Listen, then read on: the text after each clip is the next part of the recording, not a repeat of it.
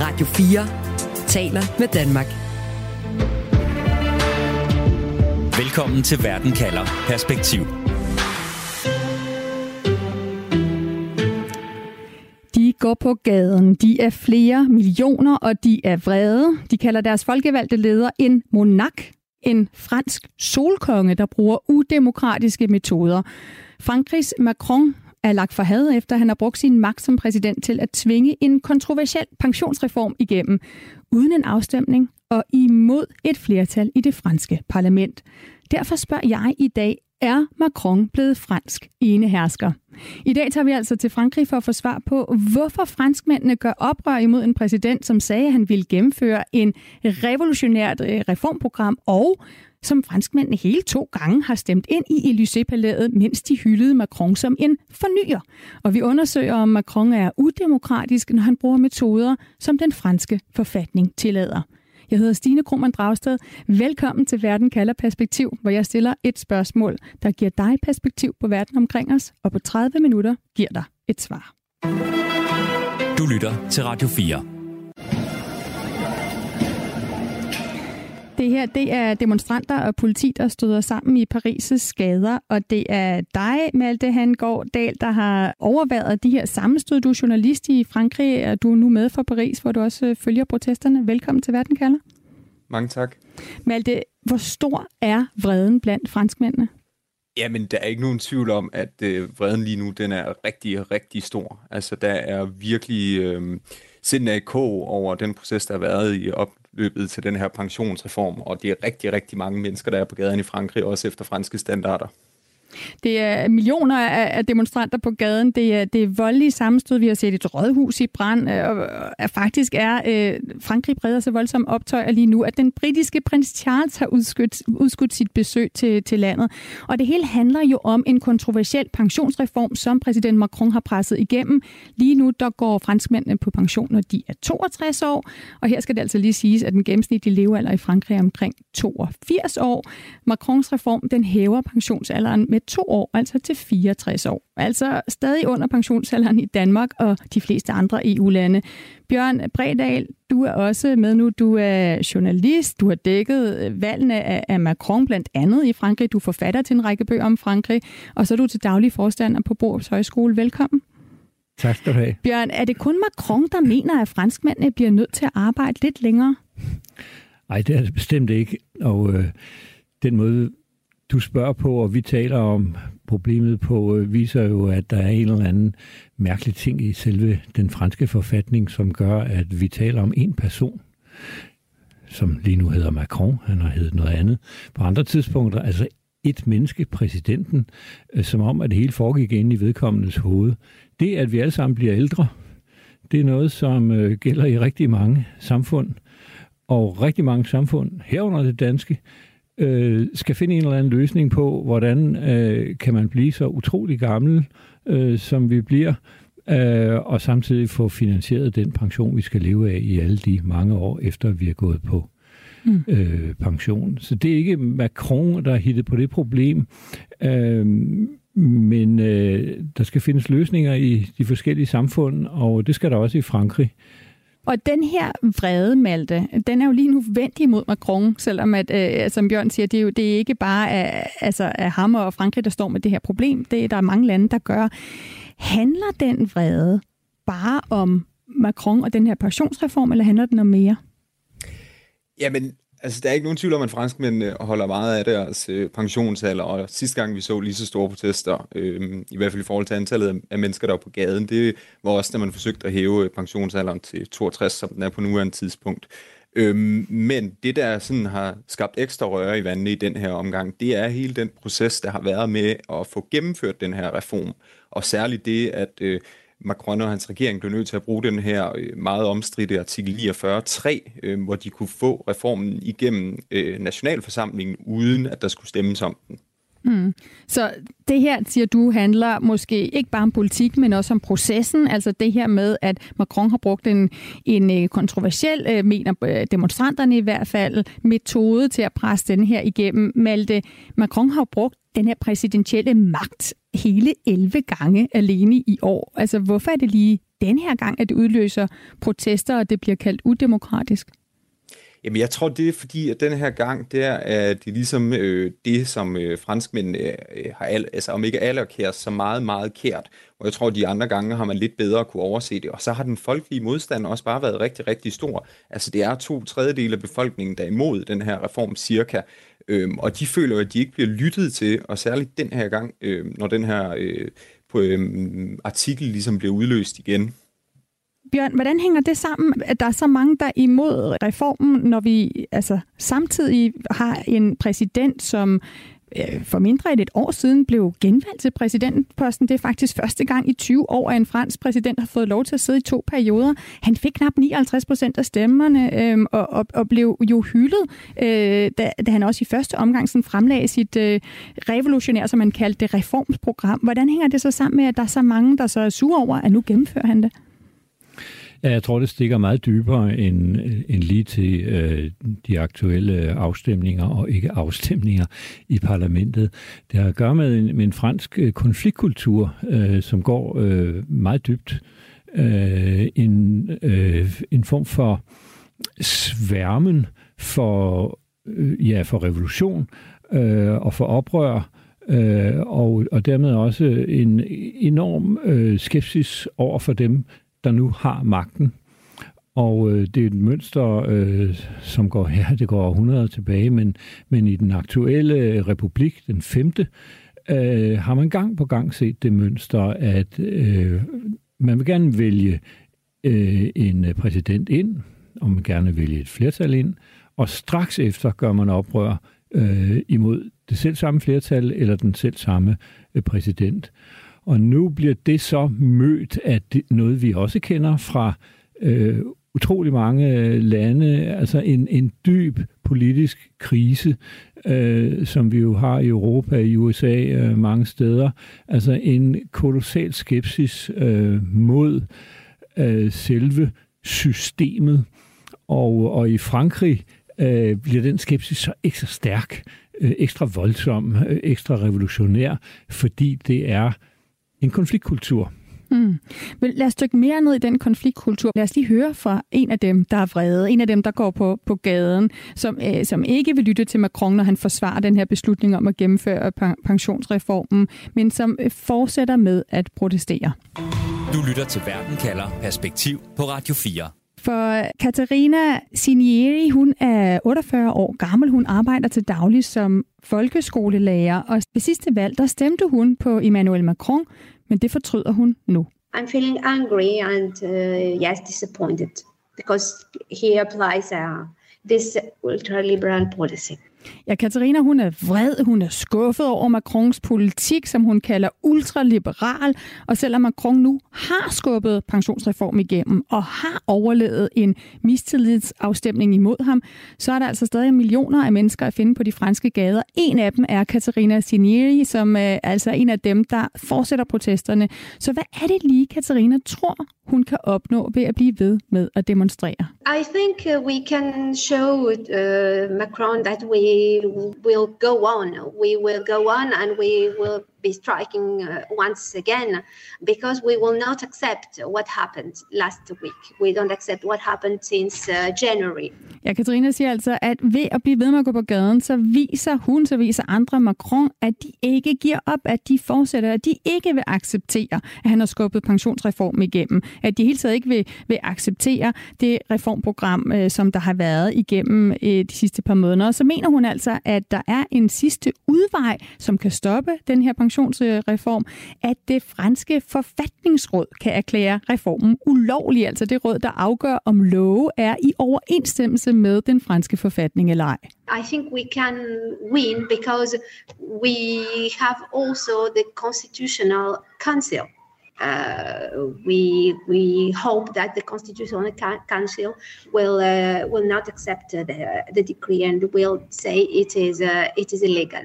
Ja, altså Katarina, som øh, er skolelærer, som vi fangede, som man kan høre her på, øh, midt i sit arbejde på en, en skole, hun håber altså, at det her forfatningsråd ikke vil acceptere pensionsreform og sige, at det er ulovligt. Lad os lige høre, hvad den franske præsident Macron selv siger om sin pensionsreform i lyset af de seneste ugers øh, protester imod den.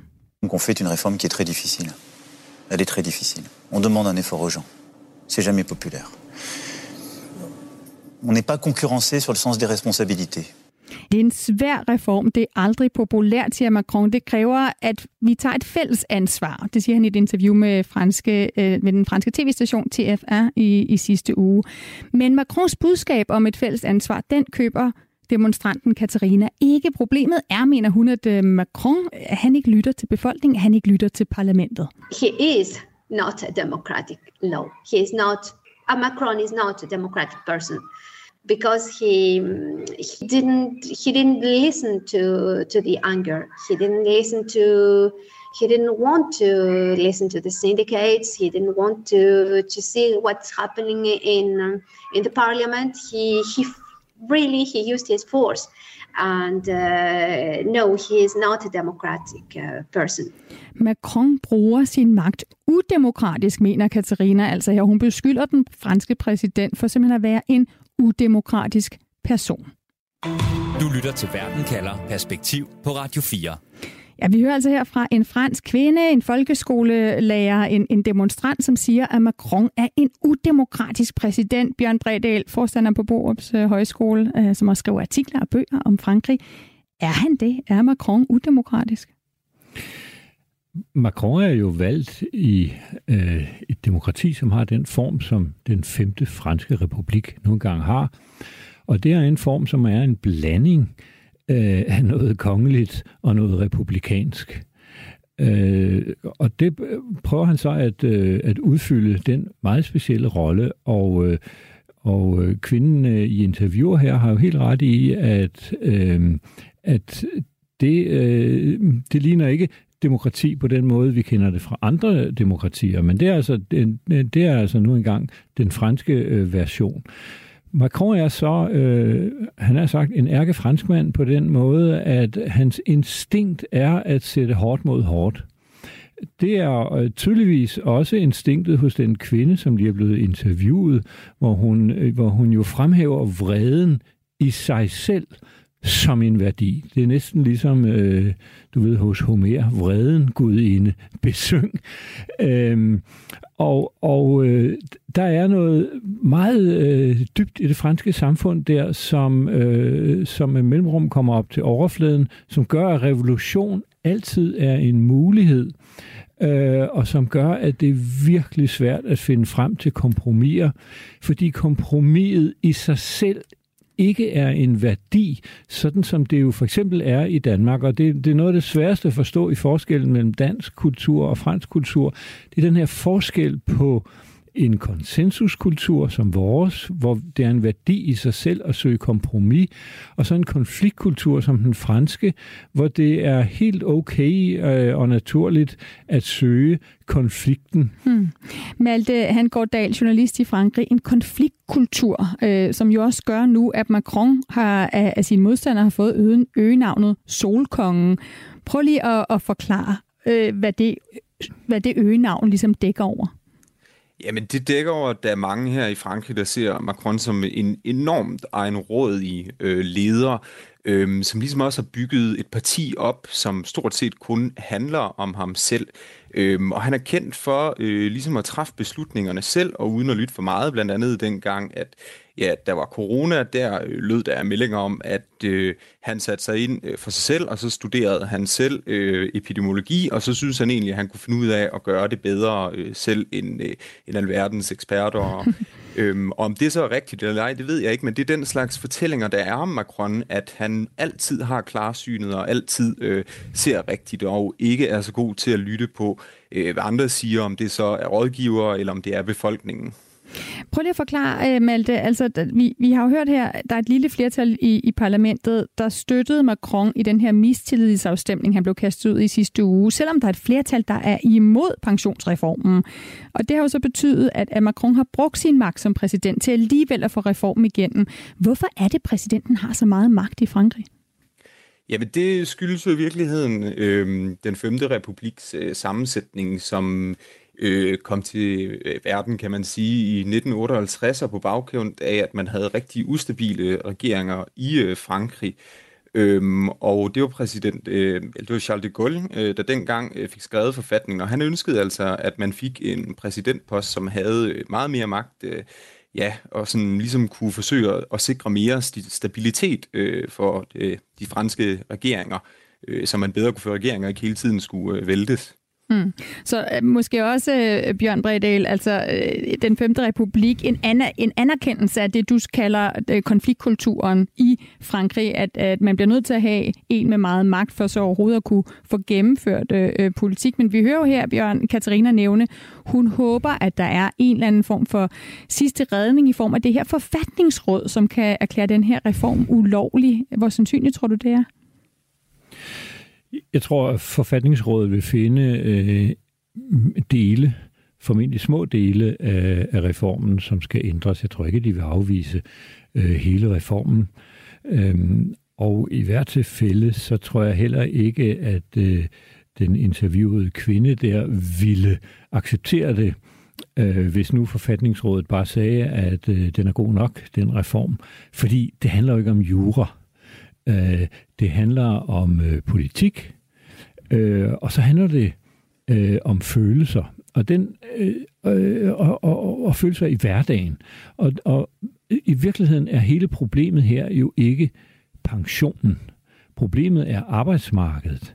Altså, øh, det vender jo omvendt i Frankrig i forhold til de fleste andre lande. Danmark for eksempel. I Danmark øh, søger de fleste, eller rigtig mange i hvert fald, at blive på arbejdsmarkedet så længe som muligt, fordi det er attraktivt at være på arbejdsmarkedet. Der er jo et eller andet helt galt med det franske arbejdsmarked, når øh, folk vil ud af det. Øh, og det har også at gøre med, øh, med en konfliktkultur på arbejdspladserne, hvor man ikke er glad nok for at gå på arbejde. Hvis man var glad for at gå på arbejde, så ville man jo ikke øh, føle, at himlen faldt ned, fordi man skulle gå på arbejde indtil man var 64. Øh, så, så vi har at gøre så med noget dybt, kulturelt. Det, det stikker virkelig dybt. Ja. Det, det er noget kulturelt, det er noget politisk, og det er ikke noget juridisk, som forfatningsrådet kan ordne. Men man kunne også male det venten imod øh, Macron og sige, at hvis han så brugte øh, nogle lidt mere normale parlamentariske metoder, altså sørgede for, at han havde et, et flertal til at bakke op om den her pensionsreform, øh, ved, at, ved at lave nogle kompromiser med andre politiske partier, jamen så ville han jo ikke behøve at presse den igennem. Hvorfor har han ikke sørget for at have politisk opbakning til sin politik? Jamen, det har været enormt svært at få politisk opbakning i den nuværende sammensætning af nationalforsamlingen, fordi at Macron for det første ikke har en flertalsregering, hvilket er usædvanligt i den øh, femte øh, republik. Øhm, og så derimod, så har han så, han så skulle støtte sig op af de her republikanere, som hverken er et støtteparti, men i virkeligheden, men alligevel hjælper Macron af og til, øh, men som i virkeligheden er et oppositionsparti. Øhm, så det har været enormt svært at finde opbakning der, og så tror jeg også, at Jørgen har ret i, at at det handler ikke om jura, og det handler heller ikke 100% om proces. Jeg tror, uanset hvordan Macron nu øh, var lykkedes med at få det her projekt igennem, så tror jeg, at freden havde været enorm under alle omstændigheder. Radio 4 taler med Danmark. Det er langt fra første gang, at franskmændene gør oprør imod en fransk præsident. Macron har selv tidligere oplevet protestbevægelsen De Gule Veste, der demonstrerede mod et forslag om stigende brændstofpriser. Malte, du startede med at beskrive den her store vrede, der er imod præsident Macron netop nu. Men hvor dybt vil du sige, at den her vrede stikker? Ja, altså det er jo det gode spørgsmål. Øh, hvis jeg vidste det, så øh, ville Macrons øh, rådgiver virkelig gerne have fat i mig for ligesom at kunne tage temperaturen på det. Men jeg tror, jeg tror den stikker virkelig dybt den her gang. Den tidligere præsident Hollande, han var også ude at sige i et interview her for nyligt, at det her det er simpelthen et niveau af vrede, som vi sjældent har set det. Og øh, her i fredags, der spillede øh, den franske landshold øh, kamp mod Holland, og lige pludselig i 49. minut øh, under den her landsholdskamp, så begyndte folk på stadion simpelthen at råbe Macron demission, altså Macron skal gå af. Så jeg tror, øh, jeg tror den er, øh, at det stikker ret dybt den her gang. Hvad siger du, Bjørn øh, Bredal? Altså, der, der har jo øh, længe været modstand, som du også beskriver det, i Frankrig imod at gennemføre reformer af alle mulige øh, slags, og der er præsidenter, der virkelig har haft problemer af den grund. Ser du det som anderledes den her gang? Altså er Macron virkelig ude på tynd is?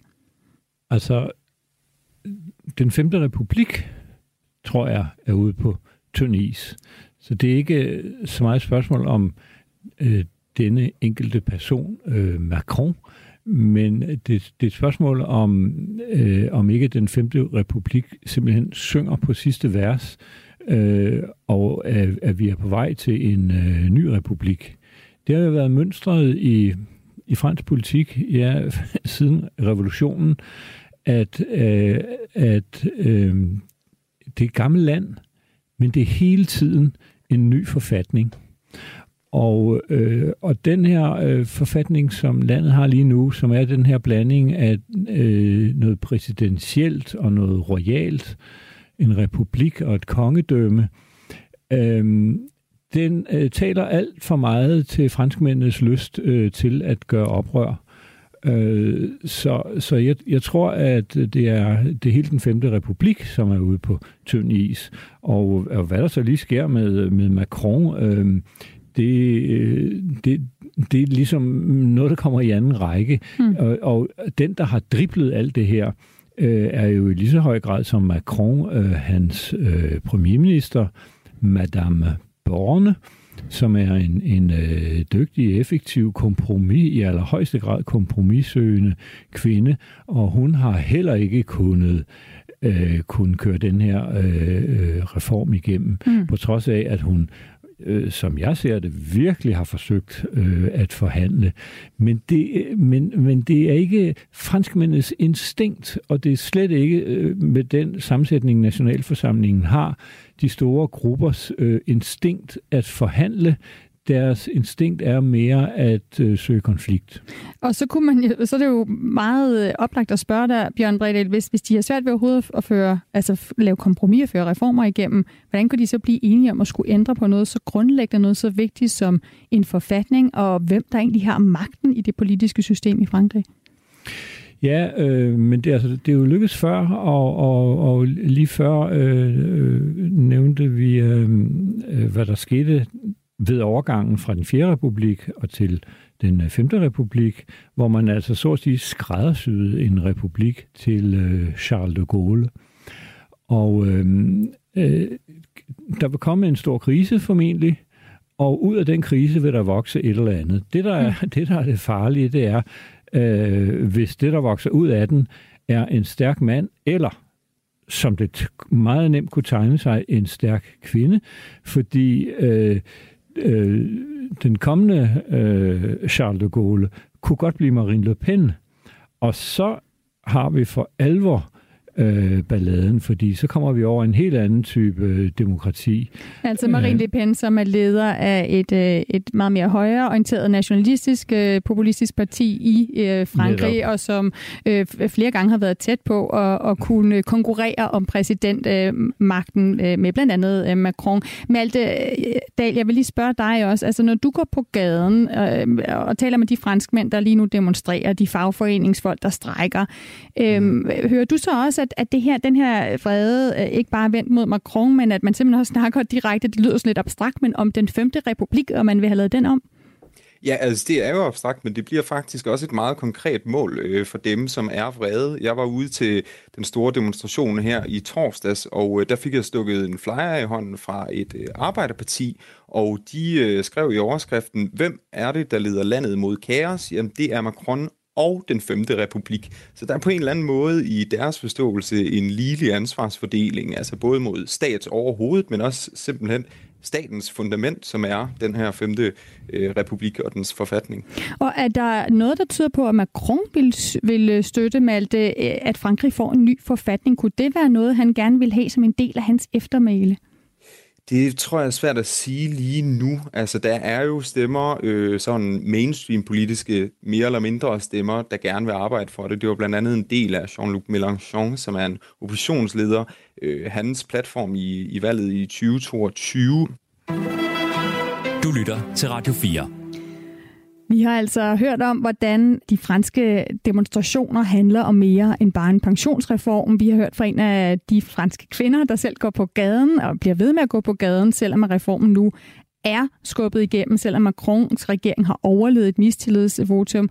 Og vi har hørt om, hvordan det her handler om meget mere end, end pension og reformer, hvordan det handler om det franske kultur, den franske måde at føre politik gennem konflikt på. Og nu er det tid til at få svar på det spørgsmål, som jeg stiller her i programmet i dag. Altså, er Macron blevet en fransk enehersker? Bjørn Bredel, hvis du skal starte med at give øh, en konklusion på det spørgsmål, hvad svarer du så? Jeg synes, spørgsmålet er lidt skævt, fordi det opgaven øh, som fransk præsident, det er at være, om ikke enehersker, så i hvert fald at være den her royale øh, præsident, der skal kunne gå i nogle meget, meget, meget store sko, øh, som egentlig tilhører Charles de Gaulle øh, som, øh, som Malte nævnte. Så, øh, så hvorfor er spørgsmålet skævt, hvis det netop er, at man næsten, nej, fordi, skal være royal? Altså, det, ja, det er fordi, sådan... du, du spørger, om han bliver, mm-hmm. øh, eller er blevet mm-hmm. øh, en, øh, en, øh, en solkonge. Og det, det er det, som forfatningen beder ham om at være. Så, så, øh, så han, ligegyldigt hvor meget han strider imod, øh, så er det, det er rollen. Øhm, og, og den rolle er kolossalt problematisk, især i, i, i en øh, ny tid, som den er, øh, med, med hele den her skepsis mod enhver form for øh, politisk system. Malte, hvad siger du til det her spørgsmål? Er Macron blevet fransk enehersker? Jeg synes, Bjørn har mange gode pointer. Altså, Macron er ikke nogen ene hersker i den forstand, som Christian den 4. eller kejseren af Rom var det, men han udfylder på mange måder den rolle, som republikken øh, tilskriver ham, og forfatningen øh, tildeler ham. Øhm, og så øh, kan man sige, at han har selvfølgelig også selv presset lidt på igennem, mange, igennem hans regeringsførelse på mange måder, og har også fået sig et image af at være en mand, der er meget egenrådig. Men øh, han er ikke meget mere enehersker, nej, end, end rollen ligesom afkræver af ham. Sådan sagde Malte Hangård Dahl, altså journalist øh, i Frankrig, med til at lave den her analyse. Og der havde vi også Bjørn Bredal, som er forstander for Borups Højskole, som også har skrevet masser af artikler og bøger om Frankrig, og blandt andet har dækket Macrons valg for politikken. Husk, uanset hvad der sker, så får du svar på et afgørende spørgsmål med mig, Stine Krummernd Dragsted, lige her i Verden kalder.